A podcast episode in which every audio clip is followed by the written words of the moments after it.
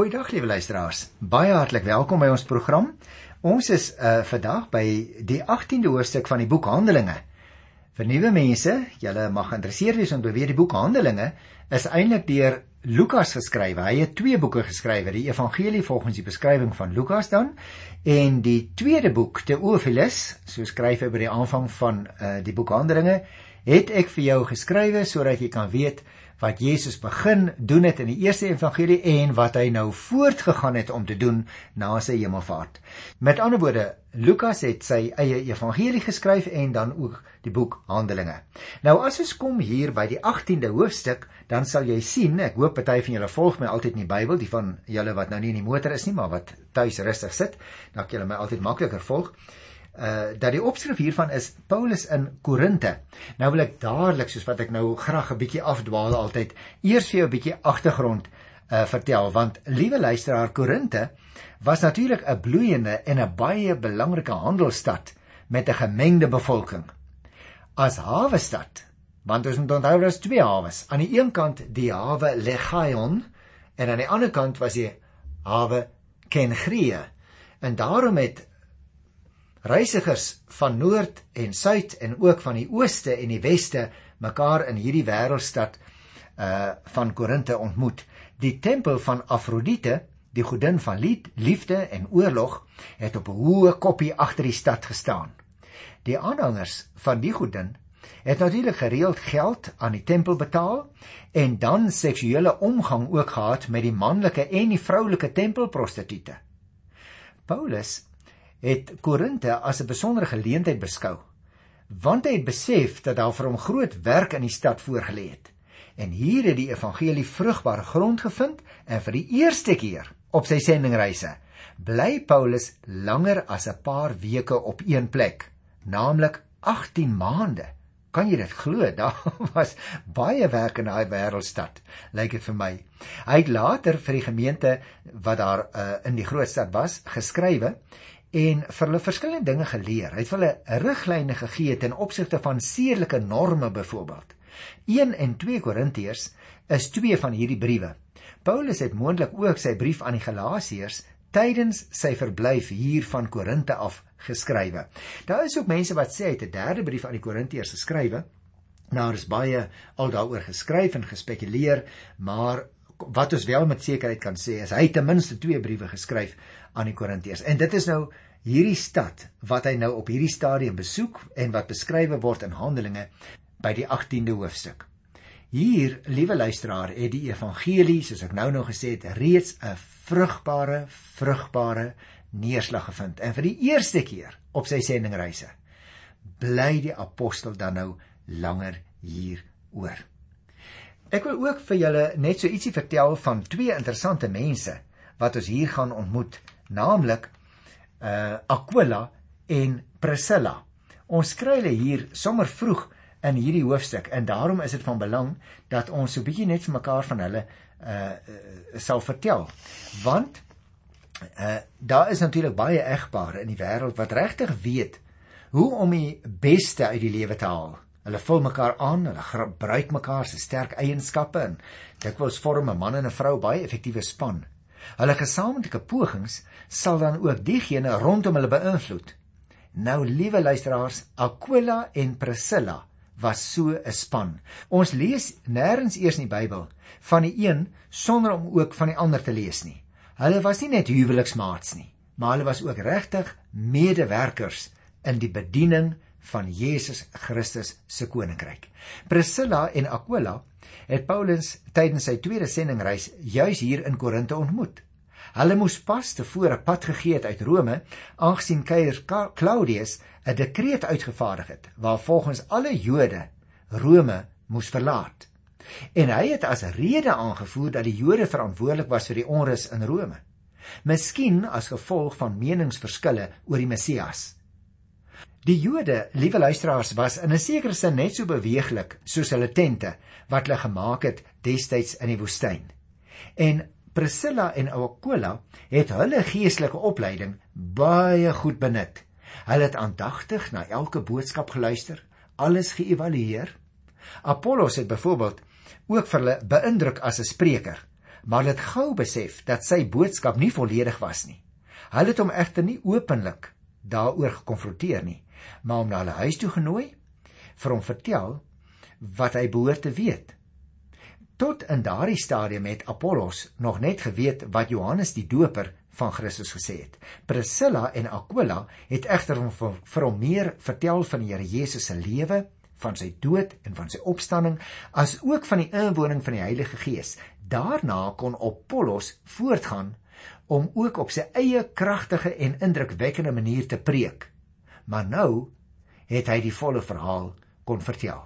Priscilla en Aquila het aangehou om hulle huis beskikbaar te stel sodat daar ook aan ander mense meegedeel kon word wie die Here Jesus werklik is. Nou as ek dit lees van hierdie mense wat daar in die groot stad Korinthe gewoon het, dan vra ek myself af Ek hoop jy vra jouself ook af, is jou huis, is jou omstandighede ook lanseer platforms vir die evangelie? Maar goed, kom ons begin om onder andere van hierdie mense te lees. Handelinge hoofstuk 18. Hierna het Paulus Athene verlaat en na Korinthe toe gegaan. Daar het hy vir Aquila, 'n Jood wat in Pontus gebore is, ontmoet. Hy het kort tevore saam met sy vrou Priscilla uit Italië daar aangekom nadat keiser Claudius beveel het dat al die Jode Rome moes verlaat. Paulus het hulle gaan opsoek. En omdat hulle net soos hy tentmakers van beroep was, het hy by hulle ingetrek en saam met hulle gewerk. Maar elke Sabbatdag het hy in die sinagoge met die mense geredeneer en Jode en Grieke probeer oortuig. Ons moet natuurlik nou onthou, luisteraars, elke Joodse seun het van kleins af 'n ambag geleer en kon dan later daardeur 'n inkomste verdien waar hy of sy ook in die wêreld sou beweeg. Paulus en Aquila kon tente maak. Die tente is deur baie nomadiese stamme gebruik, maar is ook as huisvesting vir soldate gebruik van tyd tot tyd. Dus is hulle tente ook deur die Romeinse leer aangekoop. Paulus kon vir homself sorg waar die Here hom ook al heen gelei het. Want as tentmaker het hy ook sy verdienste met hom saamgeneem in 'n sekere sin. In ons tyd is daar weer baie mense wat as tentmaker predikante die evangelie verkondig, omdat daar ook 'n sekulêre aspek soms in 'n bediening nodig geraak het. Sê nou maar jy kom in 'n klein groepie of jy het 'n klein gemeente of jy is 'n gemeente stigter, dan is dit ook natuurlik nodig dat jy aan die lewe moet bly ken 'n paar van my vriende. Dit is nie maklik nie. Ons moet regtig vir sulke mense wat groot werk gewoonlik vir die Here doen. Ons moet regtig gereeld vir hulle bid. En daar op hierdie manier kom Paulus dan ook uiteindelik aan in Korinte. En jy gaan agterkom in hierdie verhaal, liewe luisteraar. Hy tref daar twee mense aan, hierdie man en vrou, Aquila en Priscilla. Tussen wie daar uh, met hom 'n baie baie goeie en 'n hegte vriendskap ontstaan. Hulle moes Rome verlaat. Ek het reeds vir jou gesê toe keiser Claudius daai edik uitgevaardig het, dit word bereken was waarskynlik so rondom die jaar min of meer 49 na Christus. En dit lyk asof hulle reeds Christene is. Paulus trek nou daar by hulle in en hy word in 'n sekere sin lyk dit vir my 'n vernoot in die tentmakerbedryf. Die apostel het altyd probeer om homself te onderhou en nie van sy gemeentes afhanklik te wees nie. Nou, soos in elke ander stad, begin Paulus nou met die Jode te gesels en die Godvreesendes. Het ons nou daar in die eerste 3 verse gelees. Maar nou kom hier 'n interessante verwikkeling. Luister nou na vers 5. Ek lees vers 5 en 6. Nadat Silas en Timoteus van Macedonië afgekom het, nee, hulle het nou later as Paulus daar aangekom in Korinte, het Paulus al sy tyd bestee aan die prediking om die Jode daarvan te oortuig dat Jesus die Christus is. Dit is die gewone ding wat hy altyd gedoen het, né? Maar, luister nou vers 6. Toe hulle hulle aanhou verset en hom beledig, het hy die stof van sy klere afgeskit en vir hulle gesê: "As julle verlore gaan, is dit julle eie skuld." Ek aanvaar nie die verantwoordelikheid daarvoor nie. Van nou af gaan ek werk onder mense wat nie Jode is nie. Hier kry ons dus weer die hele gedagte dat Paulus hom begin wegkeer van die Jode en hy sê vir hulle ek het nou genoeg gehad van hierdie Joodse teenstand. Die uh, heidendom lê braak, dis 'n groot braakveld en ek gaan my nou op hulle toespits. Nou is dit interessant dat vers 5 en 6 vir ons vertel dat toe Silas en Timoteus in Korinte aankom, kon Paulus hom met meer ywer toelê op die prediking. Na hulle koms het hy naamlik nie meer nodig gehad om te werk nie, want hulle het 'n geskenk uit Filippi saamgebring. Hoe nou gaan jy vra nou hoe weet jy dit broer Johan gaan kyk gerus in Filippense hoofstuk 4 vers 15. Ek gaan nie nou verder daarop in nie. Verder sou die goeie nuus natuurlik wat die twee oor die gemeentes in Macedonië gebring het, Paulus baie baie moes bemoedig het. Vir Christus uh as jy meer oor daardie woordjie wil weet, dan wil ek dalk net op hierdie stadium sê Christus beteken gesalfde. Uh dit word afgelei van die Messias woord uit die Hebreëus. So hy verkondig nou ook Here Jesus Christus aan hulle. Die Jode staan natuurlik nog uh teenoor Paulus se prediking want hulle wil dit nie aanvaar nie en hulle begin nou selfs om te beledig maar dan is daardie beledigings vir hom die teken om hom nou volledig tot die heidene te begin wend. Hy skud dus die stof van sy klere af. Soms uh, het mense daardie tyd die stof van hulle voete afgeskit. Dis maar dieselfde gedagte. Skoene uitgetrek, hulle voete geskit, hulle klere geskit om daarmee as dit ware op 'n simboliese manier te sê nou wil ek niks meer te, te maak en ek my rug draai nou op hierdie situasie en op hierdie mense, op hierdie Jode wat dan nou nie die verantwoordelikheid vir hulle eie geloof wil aanvaar nie. Hy sê dan ook vir die Jode. Hy het nou alles in sy vermoë gedoen daar in vers 6 en hy sou voortaan na die nie Jode gaan en vir hulle van Jesus vertel, aangesien hulle die Jode vir Jesus verwerp het. Die heidene sou hopelik meer ontvanklik wees. Luister nou na vers 7 en 8. Toe het hy die sinagoge verlaat en na die huis toe gegaan van 'n godvreesende man met die naam Titus Justus.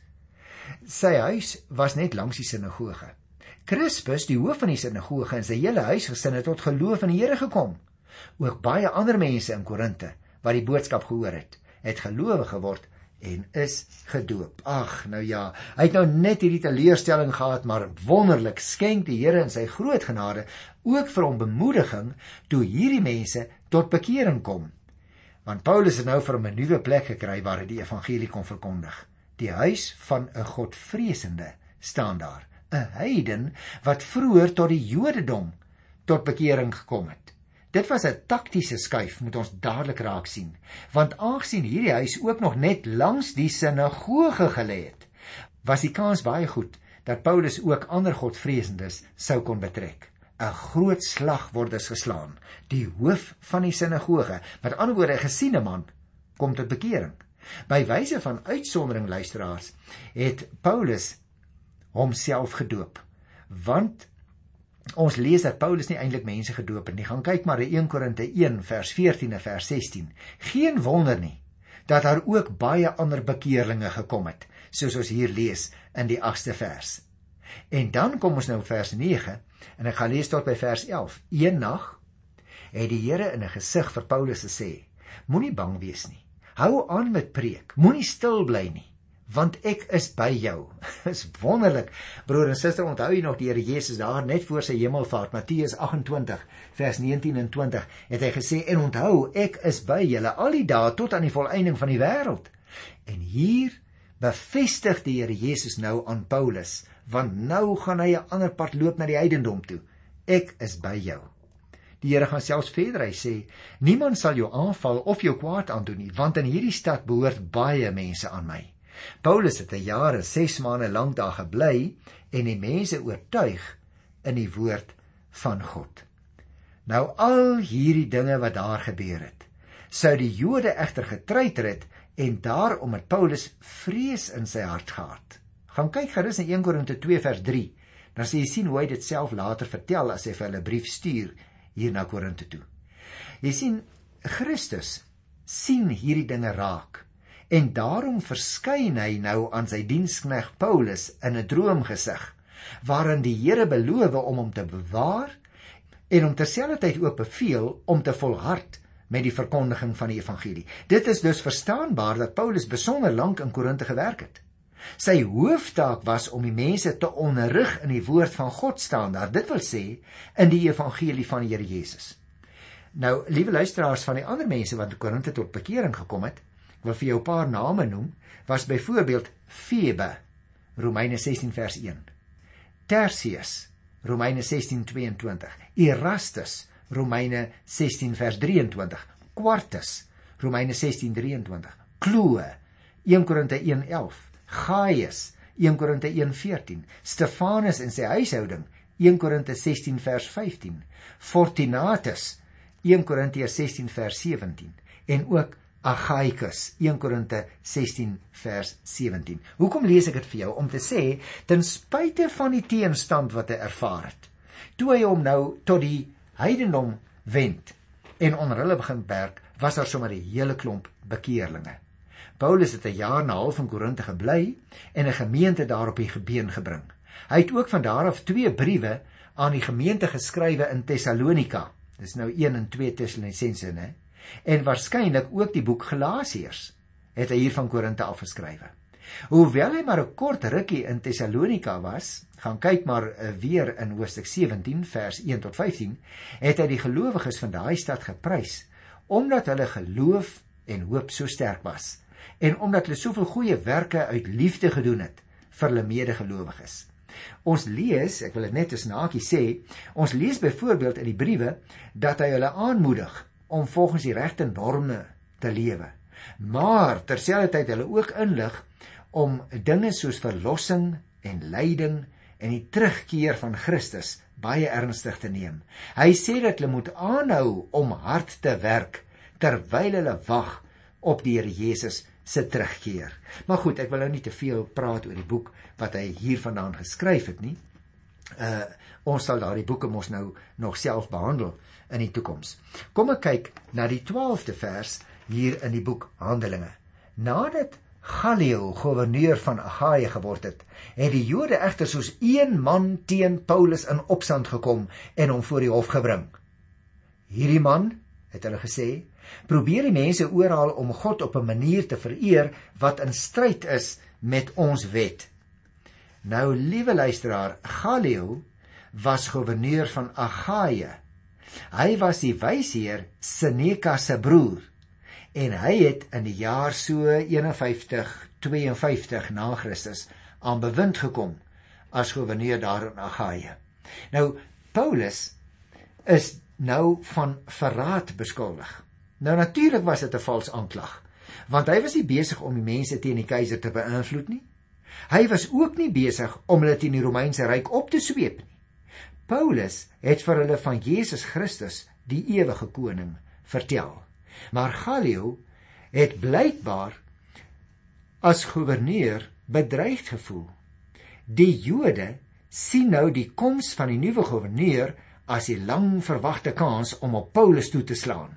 Hulle neem Paulus na die goewerneur toe wat te gelyk die hoofregter van die provinsie was en hulle aanklag is Paulus is 'n godsdienst is besig om 'n godsdienst te propageer wat teen ons wet is. Nou moet jy oplet luisteraars, hulle praat van ons wet. Dit wil sê die Joodse wet. Ag, hierdie man het seker nie veel erg gehad aan die Joodse wet nie, maar die Jode probeer alles om Paulus se stem stil te kry. Daarom wil ek nou graag lees vers 14 tot 17. Paulus wou nog praat, maar toe sê Gallio vir die Jode: As dit oor 'n onreg of 'n ernstige misdaad gegaan het, was dit my plig om geduldig na julle Jode te luister. Maar aangesien dit 'n gerede kawel is, kyk hoe noem hy dit. Aangesien dit 'n gerede kawel is oor woorde en name en julle eie wet, moet julle self daaroor beslis. In sulke sake wil ek nie regter wees nie. Daarna het hulle het hy hulle uit die hof uitgejaag. Hulle het toe almal vir Sostenes, die hoof van die sinagoge, gegryp en hom net daar voor die regbank aangerand. Gallio het hom egter niks daaraan gestuur nie. Nou kan jy nou glo dat dit nou daar gebeur, daar uh, waar Paulus eintlik nou sulke wonderlike werk doen onder die ongelowiges. Maar dis nie vreemd nie, mense moet dit eintlik verwag, want Galio verstaan dit so dat dit slegs om 'n interne Joodse aangeleentheid gaan. Volgens sy insig verkondig Paulus net 'n tipe Jodendom waarvan die Korintiese Jode nie gehou het nie. Dit is dus 'n Joodse saak, sê Galio vir die Jode. En julle moet self maar mekaar vind. Julle moet maar 'n skikking bereik. Nou natuurlik, liewe luisteraar, die Joodse godsdiens het beskerming geniet as 'n gewettigde godsdiens in die Romeinse ryk. En volgens Galio se beskouing kon die Christendom as onderdeel van die Jodendom op dieselfde beskerming aanspraak maak. Die afwysing van die Jode laat die antisemitisme onder die Korintiese publiek dadelik opvlam en hulle gee die leier van die Jode 'n goeie afranseling. Galio sien dit maar hy verroer nie 'n vinger nie. Want hy sê hy sien dit as 'n skermutseling tussen Joodse groepe. Hy het seker nie veel vir die Jode gevoel nie en hy wou ook nie die res van die mense tot hom kry nie. Daarom steur hy hom glad nie verder daaraan nie. Galio verstaan die probleem so dat dit slegs maar net 'n interne Joodse aangeleentheid is. Volgens hom verkondig Paulus maar net 'n tipe Jodendom waarvan die Korintiese Jode nie gehou het nie. Nou omdat dit dus 'n Joodse saak is, hy sê man, julle moet nou maar self klaarkom. Ek gaan my regtig nie verder daaraan steur nie. Crispus was natuurlik nou die leier van die sinagoge, maar hy en sy gesin het die evangelie boodskap aangeneem. En die Christene wat die Jode nie sou verwag nie. Hierdie Christene kom nou nogal uit die sinagoge want hy was die hoof. En dan lees ons hier in die 17de vers van Sostenes. Sostenes is toe in sy plek aangestel as hoof van die sinagoge. Die mense wat hom aangerand het, was moontlik Grieke wat kwaad was oor al die oproer onder die Jode. Hulle het nou 'n bietjie regtig, wat is gewone Afrikaans, fed up geraak. Hulle het kwaad geraak vir hierdie binnengevegte onder die Jode en daarom wil hulle hulle nou nie verder daaraan steur nie. Daarom wil ek net vir vandag die laaste paar versies doen uh hier in vers 18 en vers 19 van Handelinge die 18de hoofstuk, dan kan ons volgende keer met Paulus se derde sendingreis begin. Luister nou hier, want van vers 18 af lees ons hoe dat Paulus nou teruggegaan het na Antiochië toe. Nadat Paulus nog 'n tyd lank daar by die gelowiges in Korinte gebly het, het hy van hulle afskeid geneem en saam met Priscilla en Aquila na Sirië toe vertrek. Voordat hy in Greë, Kengreë was een van die hawe stede daar by uh, Korinte. Voordat hy in Kengreë aan boord gegaan het, het hy sy hare laat afsny omdat hy 'n gelofte afgelê het wat vervul is. By hulle aankoms in Efese het Paulus sy reisgenote verlaat en in die sinagoge gegaan waar hy met die Jode geredeneer het.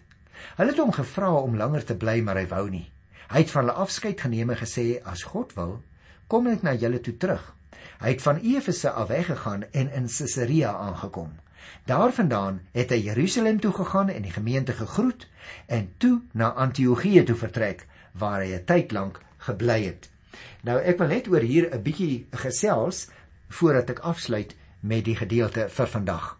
Jy sien hy gaan nou terug eers na Efese toe wat een van die belangrikste sentra van die Griekse kultuur was want uh, Paulus wou lankal daarheen gegaan het. Ons het dit al gelees in die 16de hoofstuk by die 6ste vers en nou kan hy daar uitkom.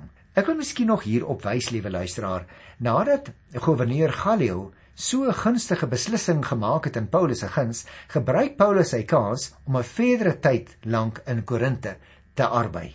En eers dan vertrek hy terug na Antiochië toe en soos ons nou net gelees het, dan van Antiochië af uh, gaan hy terug. Hy reis oor Caesarea. Caesarea is natuurlik die hawe stad daar aan die kus van Palestina voordat hy verder gaan tot by Jerusalem. Want ons moet onthou, liewe luisteraar, Paulus gaan alleen soos gewoonlik eers in Efese na die sinagoge. Nou goed, ons weet nie hoekom hy sy reisgenote verlaat het nie. Sy boodskap vind egter verrassende goeie aanklank. Uh, en dan beloof hy om as God dit sou wil terug te kom. Hy het waarskynlik vroeër beloof dat hy vir 'n tyd lank net soos 'n Nasareer nie sy hare sou sny nie. En daarom kry ons die opmerking hier in verband met die skeer van die hare wat nou uh, afgesny is omdat hy 'n gelofte wat hy afgelê het, dit het hy nou nagekom. Ons moet altyd woord hou. En op daardie punt, liewe luisteraar, wil ek afsluit en wil ek jou groet in die wonderlike naam van ons Here. Tot volgende keer. Totsiens.